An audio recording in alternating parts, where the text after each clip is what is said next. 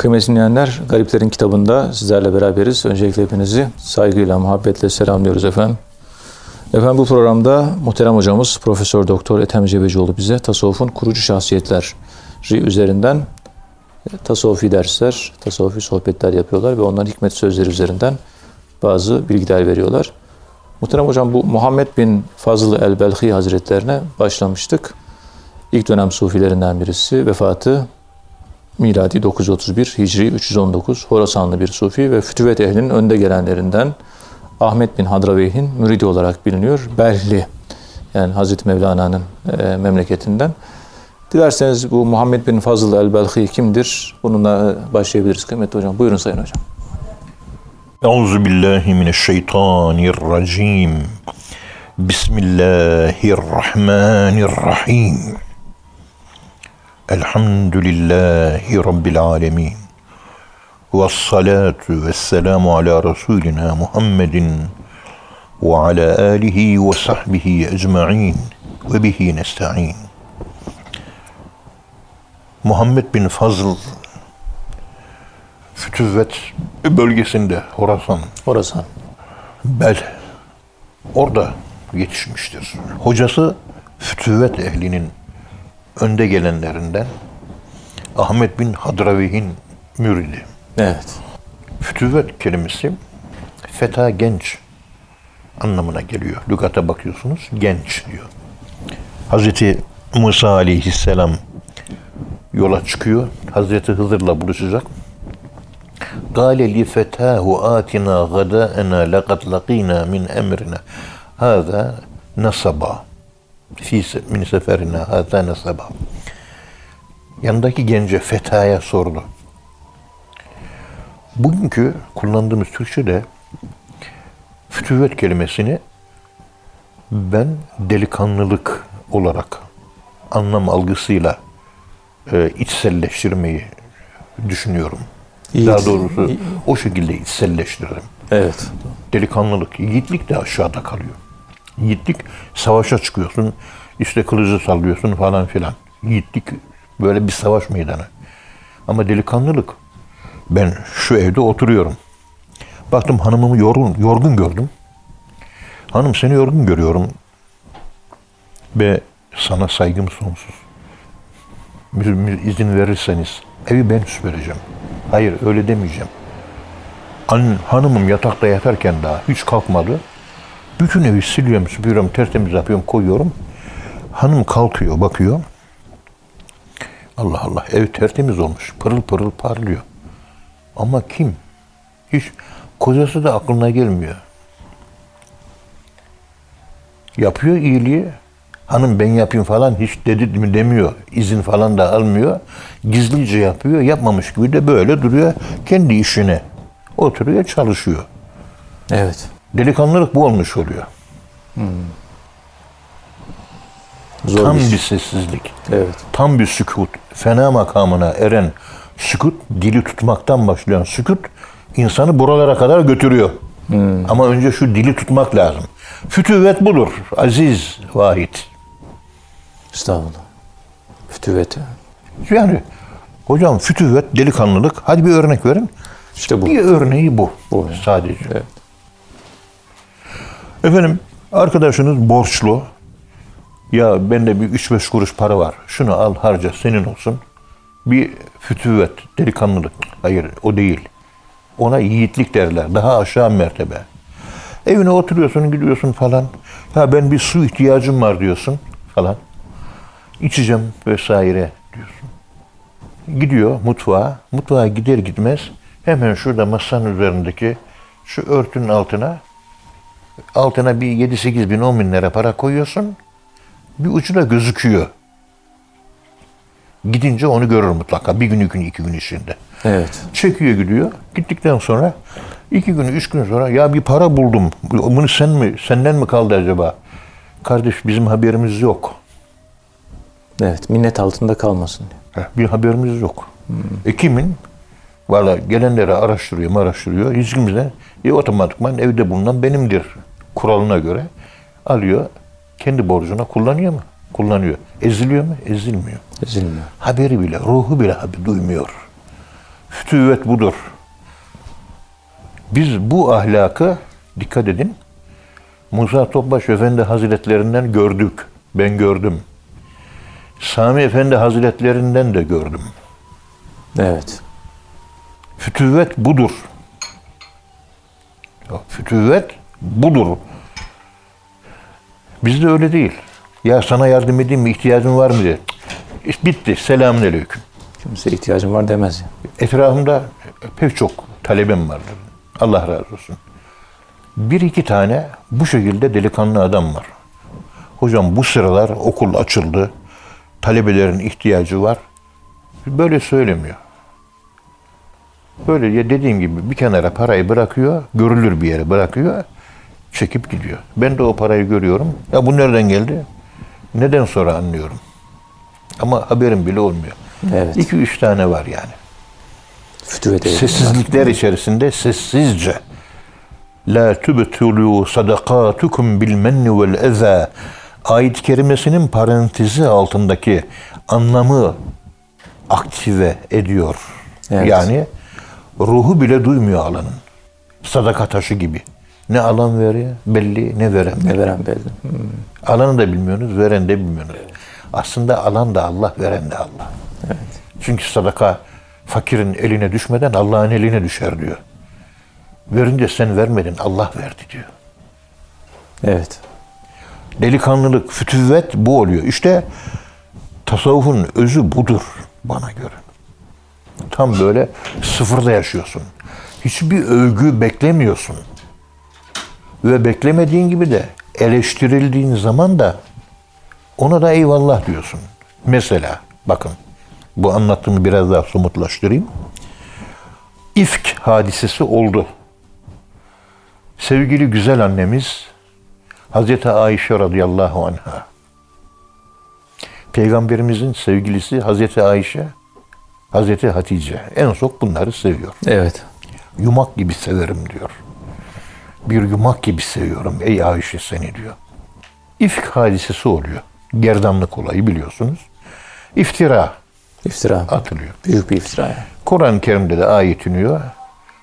Bunun aslının öyle olmadığı, şu şekilde olduğu Allah tarafından beraat ediliyor. Hazreti Ayşe Allah tarafından temizde çıkarılıyor. Ama o sırada Hazreti Ayşe annemize karşı çıkanlar epey bir olmuş.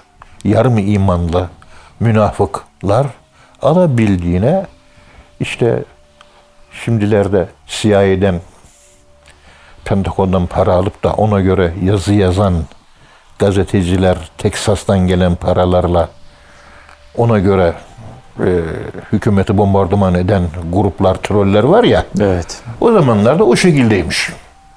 Mesela Aynı şey. Devam. o zaman da var. Bu her zaman da olacak. Şimdi Hazreti Ayşe'nin aleyhinde dedikodu yapanlardan bir tanesi Hazreti Ebu Bekir Sıddık radıyallahu anh'ın sık sık yardım yaptığı bir fakir. Evet. Hazreti Ebu Bekir bir fakir. Öyle gizli yardımlar çok da bir tanesi bir fakirin birisi.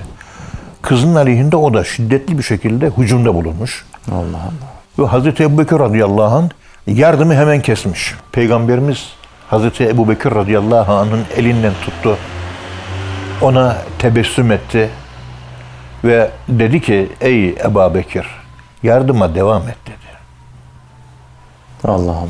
Kötülük bile gelse işte fütüvve fütüvvet budur.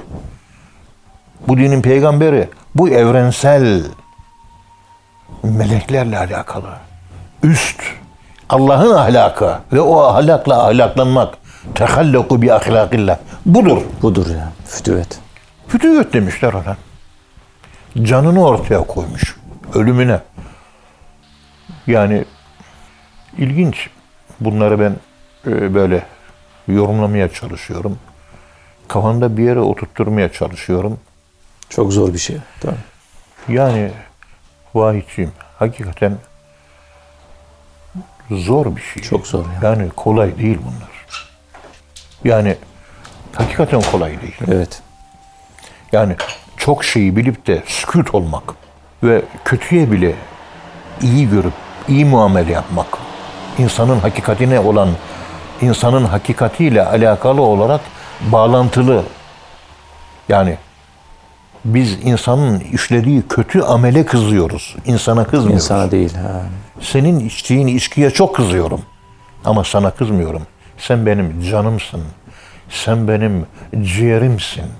Günahkara değil de Seni günah. kucaklıyorum. Gel. Ve kucaklıyor. Hakikaten kucaklıyor. Evet. Ama canım ciğerim diyerek kucaklıyor. Böyle ciğerden gelerek, içten gelerek. Şu bu Muhammed bin Fazıl, fütüvvet ehli diyoruz ya, fütüvvetin arka planlarını bugünkü modern akla Böyle anlatabiliriz. anlam formatı olarak sunmaya çalışırken bu canlı yapılardan, canlı anlam yapılarından istifade etmek gerektiğine inanıyorum.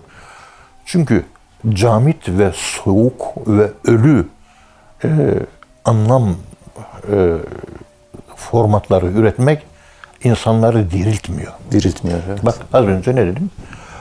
Hanımını yorgun gördün. Yorulmuş kadın bayramda.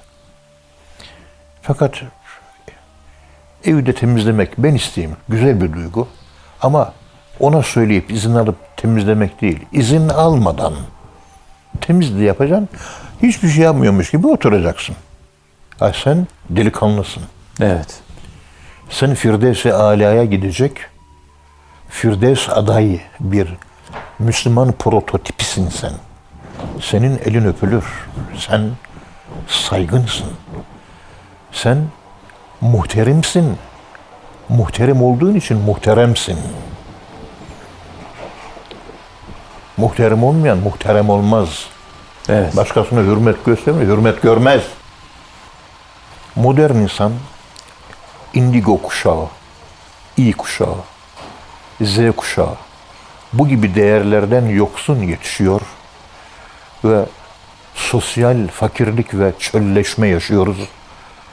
Yaşadığımız bu sosyal çölleşme olayı bizim kültürümüzün, medeniyetimizin, Fukuyama'nın dediği gibi insanlığın sonu mu olacak acaba? Evet. Tarihin sonu veya Son İnsan adlı eserinde işlediği temalar insanın ilk vahşi kabile kültürü. Öldürmek, öldürmek. Buraya doğru bir gidiş var. Özellikle Avrupa bunu çok yapıyor. Hep bütün Müslüman ülkelerinde oluk oluk kanlar akmaya devam ediyor. Ondan sonra en demokrasi biziz. Demokrasi götürüyoruz diye Tunus'a müdahale ediyor. Türkiye müdahale ediyor. Azerbaycan'a müdahale ediyor. İran'a müdahale ediyor. Cezayir'e, Mısır'a müdahale ediyor. Yemen'e müdahale ediyor. Her yere müdahale ediyorlar. Demokrasi götürüyor. Demokrasi götürmüyorlar. Kendileri vahşi. Cannibal. Vahşi. Swage. Yani maalesef sıkıntılı. Evet. Biz insanımızı ayakta tutmak için bu kültür değerlerimizi inşa etmek üzere mutlaka gençlik platformlarının sayısının artırılması lazım. Evet. Gençleri bir araya getireceksiniz. Onlara olgun, raşit ve e, bir baba özellikle anne gibi bakan, merhametli gözlere sahip, kalbi Allah aşkıyla yanan ve konuşmasını bilen edepli, terbiyeli, değerli insanlara çok ihtiyaç var bu yaşadığımız dönemde.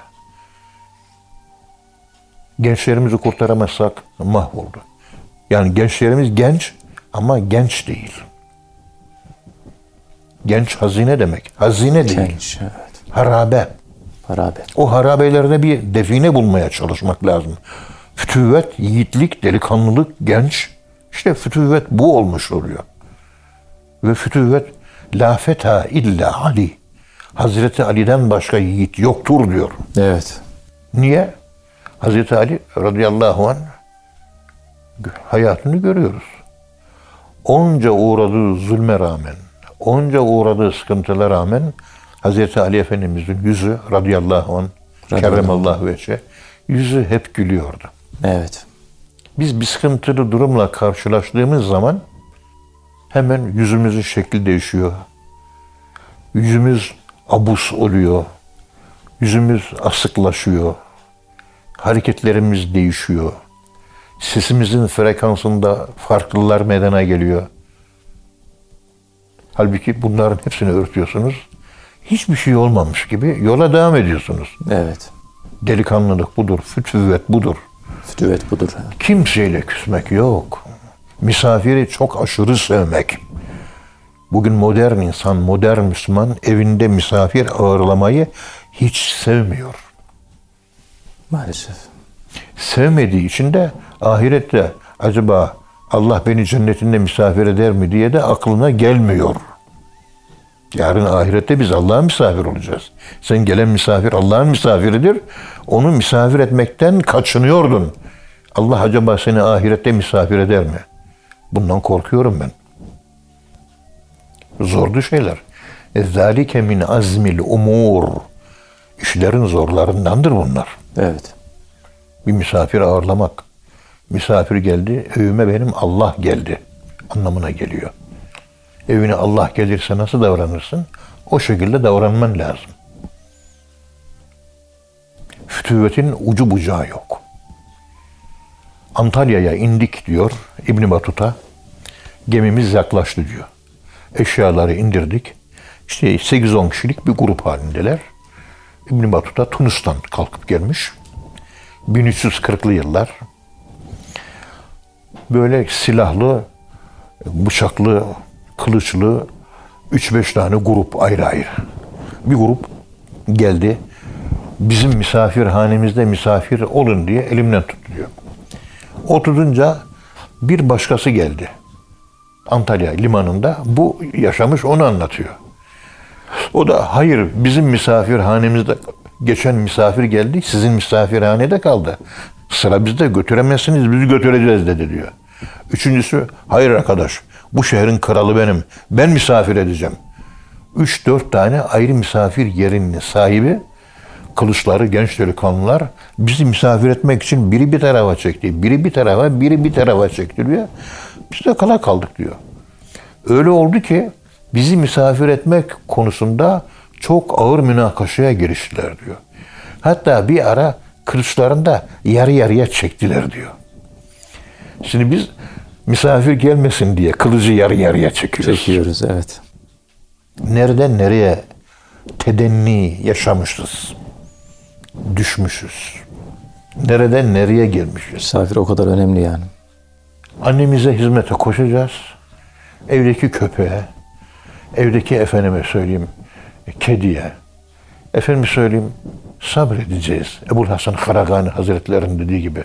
Evet. O zaman Allah dağdaki arslanı senin emrine verir, sultan sahibi olur.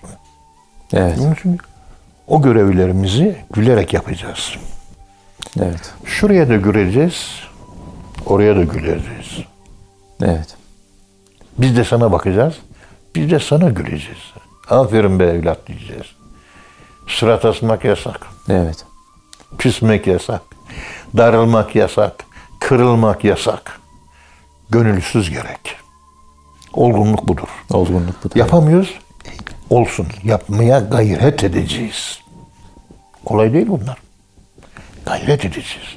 Bir zaman gelecek, o bir yazarın birisi bir yazı yazmıştı. Derin diyor, efendime söyleyeyim, e, derin insanlar. Onu yazarken derin insanlar tebessüm eder diyor. Konuşmazlar diyor. Tatlı tatlı bakarlar ama içi yanar onların diyor. Allah. Bakıyor lafı geçmeyecek. İçinden ya Rabbi güzel olsun diye dua eder diyor. Dua eder içinden. Ve tebessüm vardır bizimde diyor. Peygamberimizin en büyük sünneti de tebessümdür.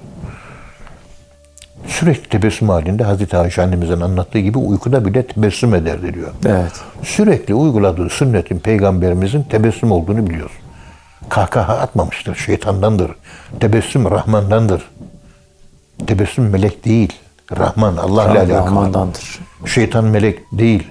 Şeytan da Rahman direkt. Tebessüm insanın içinin ağlaması ve dıştan kahkaha atmak, gülmek duygusunu birleştiriyorsunuz. Gülmeye ağlamak formunu kattığınız zaman tebessüm ortaya çıkıyor. Kahkahada acı yoktur. Tebessümde acı duymak vardır. Duyduğun o acı da ağlamanın kendisidir. Evet. Onun için yüzümüz hep tebessüm, Tebessüm olmalı. ediyor. Estetik ameliyat yapan muayenehanelere gitmeliyiz. Oralara yüz gerdirme ameliyatıyla dudaklarımızın iki ucunu gerdirip normal duruşumuz bile tebessüm halinde olmalı. Mr. Tebessüm, Bay Tebessüm. Sana tebessüm adını versinler. Sizin oturduğunuz Pusaklar semtinin adı da Tebessüm şehri değil mi? Tebessüm şehri. Hı. O boşuna konulmadı. Evet bizim, bizim Adem Ergül abi gibi yani sürekli tebessüm. Zor. Yani Evet. bu şey e, fütüvvet ehli olmak kolay değil. Hakikaten delikanlılık. Evet hocam. Allah razı olsun hocam. Ağzınıza sağlık. Muhterem dinleyenler program birinci bölümün sonuna geldik. İkinci bölümde tekrar birlikte olacağız inşallah. Efendim şimdi kısa bir ara. Kıymetli dinleyenler programımızın ikinci bölümünde tekrar birlikteyiz. Muhterem hocamız Profesör Doktor Ethem Cebecioğlu bize Muhammed bin Fazıl el-Belhi Hazretleri'nin hayatından bahsediyorlar. Bununla alakalı birinci bölümde fütüvetle alakalı. Muhammed bin Fazıl'ın hocasının Ahmet bin Hadraveyh'in müridi olduğunu ve fütüvet ehlinden birisi olduğunu anlattılar. Dilerseniz hocam kaldığımız yerden devam edebiliriz. Yani Muhammed bin Fazıl el-Belhi kimdir? Ve yaşadığı coğrafya nasıl bir coğrafya? Dilerseniz buradan devam edebiliriz. Buyurun Sayın Hocam.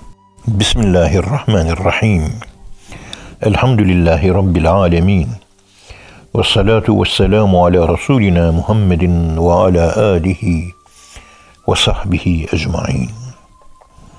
Evet muhterem dinleyenlerim, Muhammed bin Fazıl 1100 sene önce yaşamış, ölmüş, fütüvvet ehli, Allah dostu, büyük bir zat. Fütüvvet ehlinin önde gelenlerinden Ahmet bin Hadravi'nin müridi.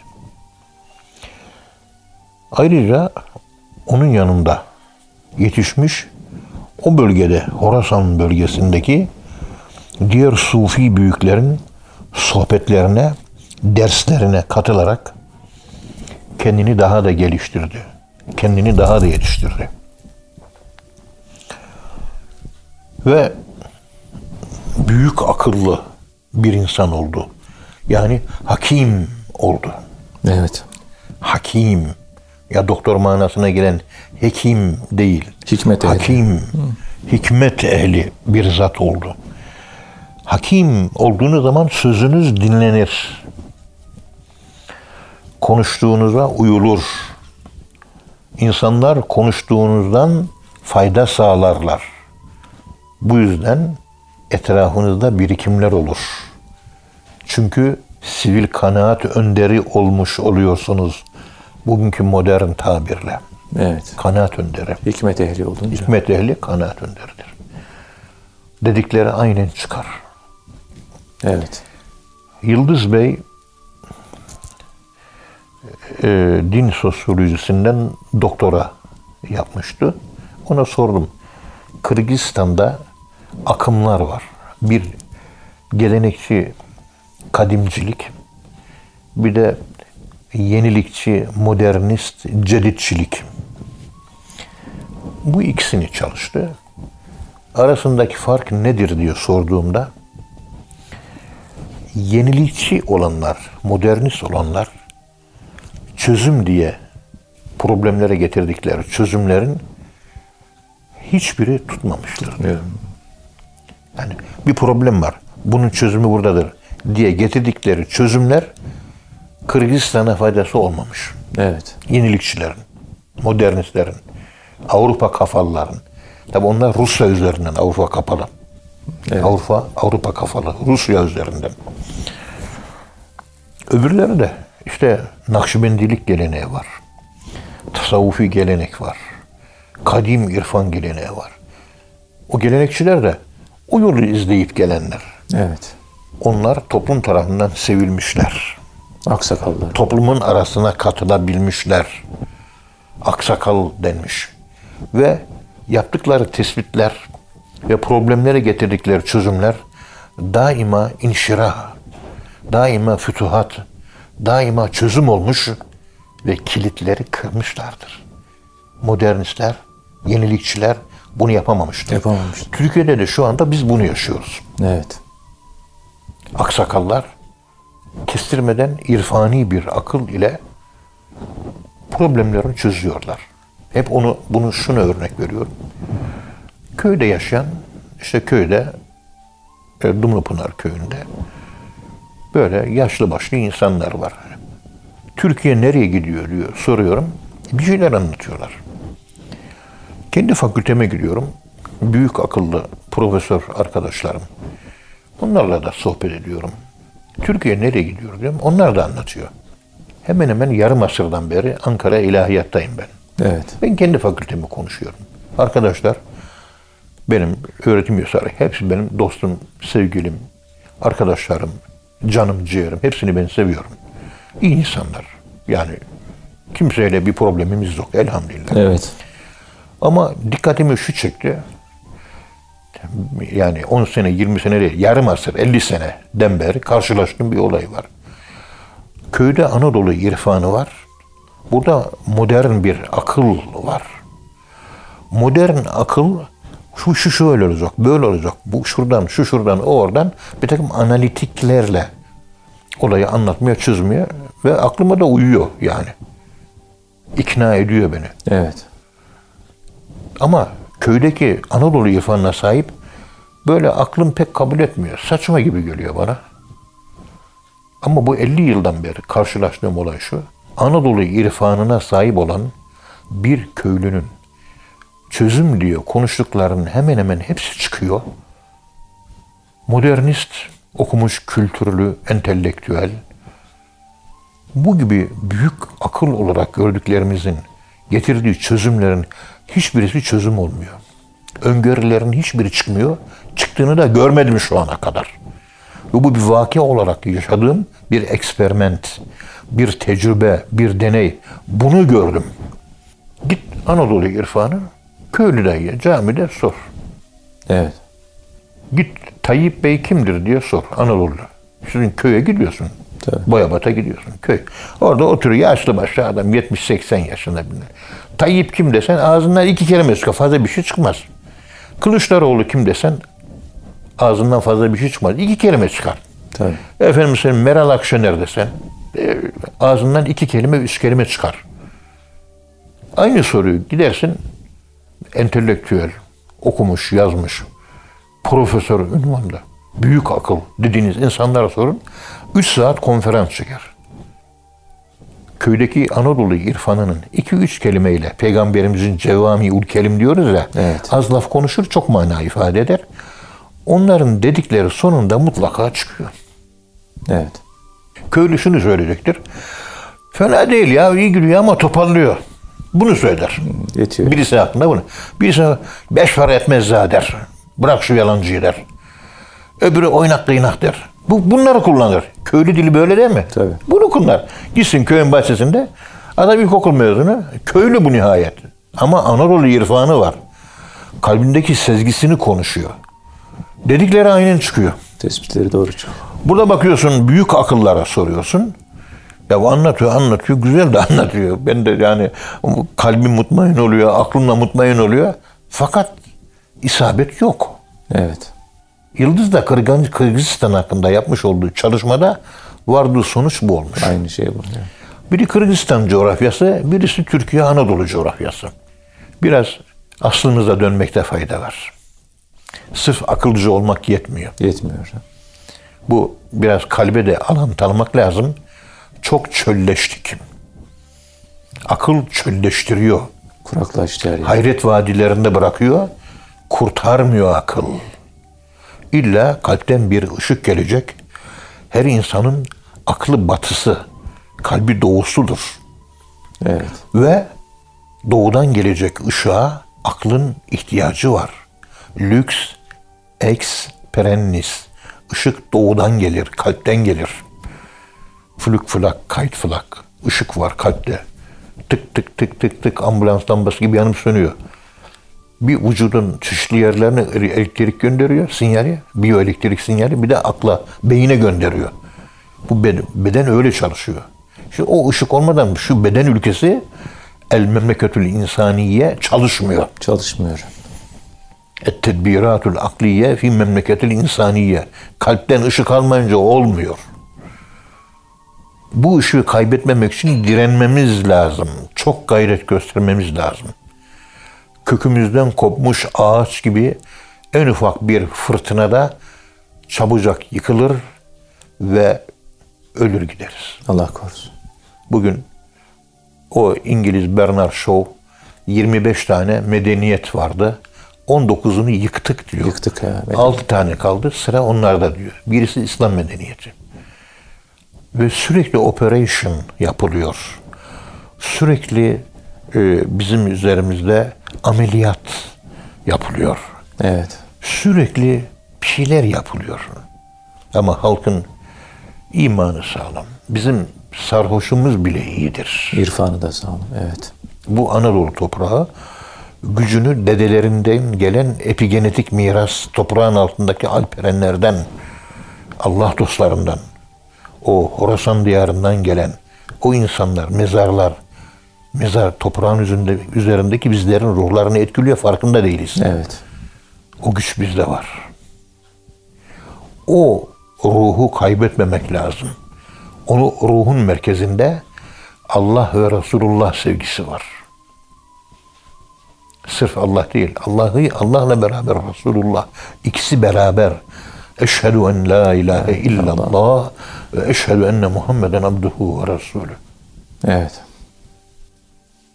İslam'ın evrensel değerleri, bizim medeniyetimiz ortaya çıkarttığı ve e, tarih, dünya kültür mirasına en büyük katkısı bu olmuştur. Emanetleri ehline veriniz. İnna Allaha ya'murukum en tu'addul emanati ila ehliha. Bu ayet niye inmiştir? Peygamberimiz Mekke'yi fethediyor. Evet. Mekke esir alınıyor. Müslümanlar hakim oluyor. Putlar temizleniyor.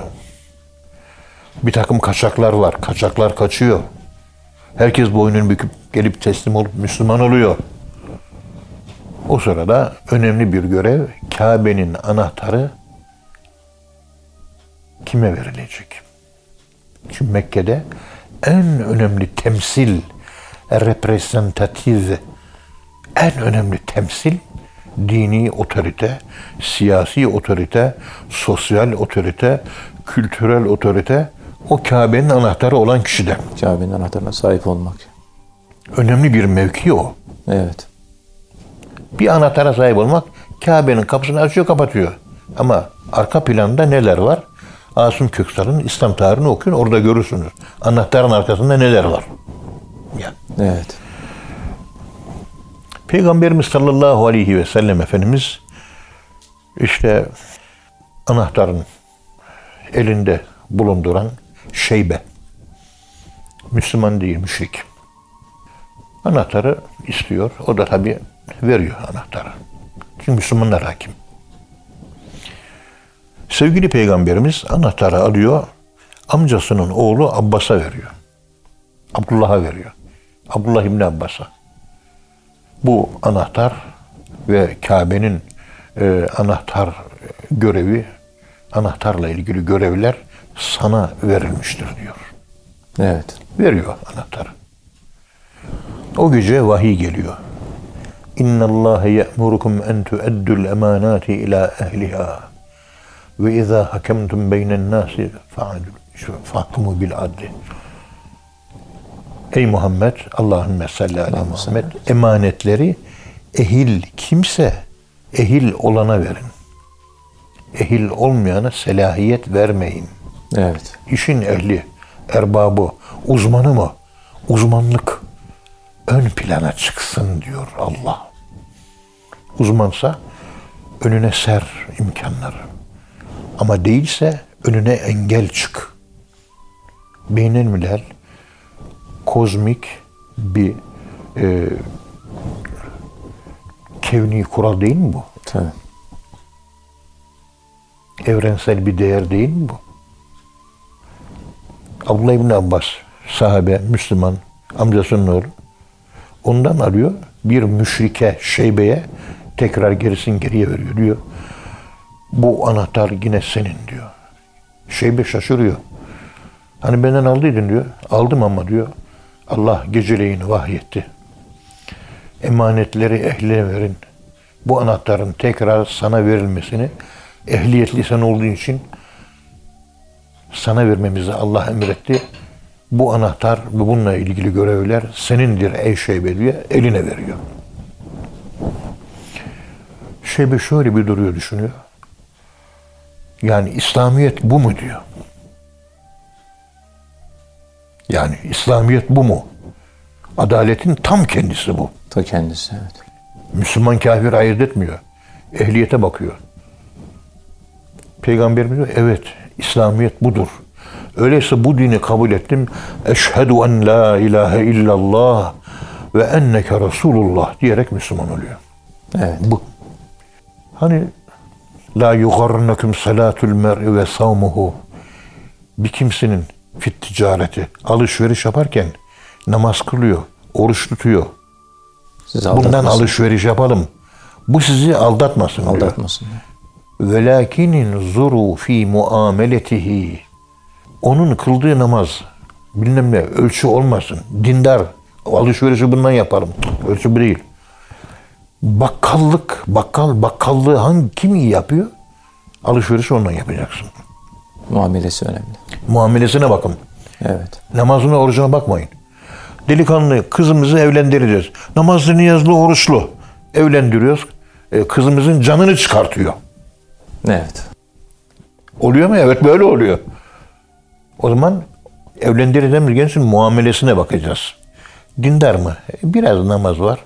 Terbiyeli, nazik, rabıtalı, e, sükunetli, ağırbaşlı, vakarlı, yardımsever, müşfik, mütebessim, entelektüel, elegance, nazik, kibar falan. Ha verelim şimdi. Muamelesine bakın. Kızı o zaman, o zaman vereceğiz Evet. namazına, orucuna bakıp da kız verdiğimiz nice erkekler kızlarımızı süründürmüştür. İslam toplumunda görüyoruz bunların örnekleri çok. Elhamdülillah bir şanssız bizim damatlar dindar olduğu için yani Muameleleri hayat tecrübesi olduğu için bizim o yönden şansımız var da fakat böyle şanslı olan insanlar yok. Bakın bir alışverişe bakın. Bir kızımızı verirken duruma bakın. Bir de Kabe'nin anahtarına bakın. Ehliyet kimde? Evet. Kalite nerede?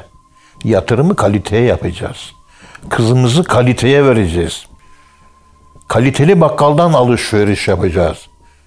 Ticaretin dini olmaz. Yahudiden de alışveriş yaparsın. Ermeniden de Rum'dan da. There is no problem.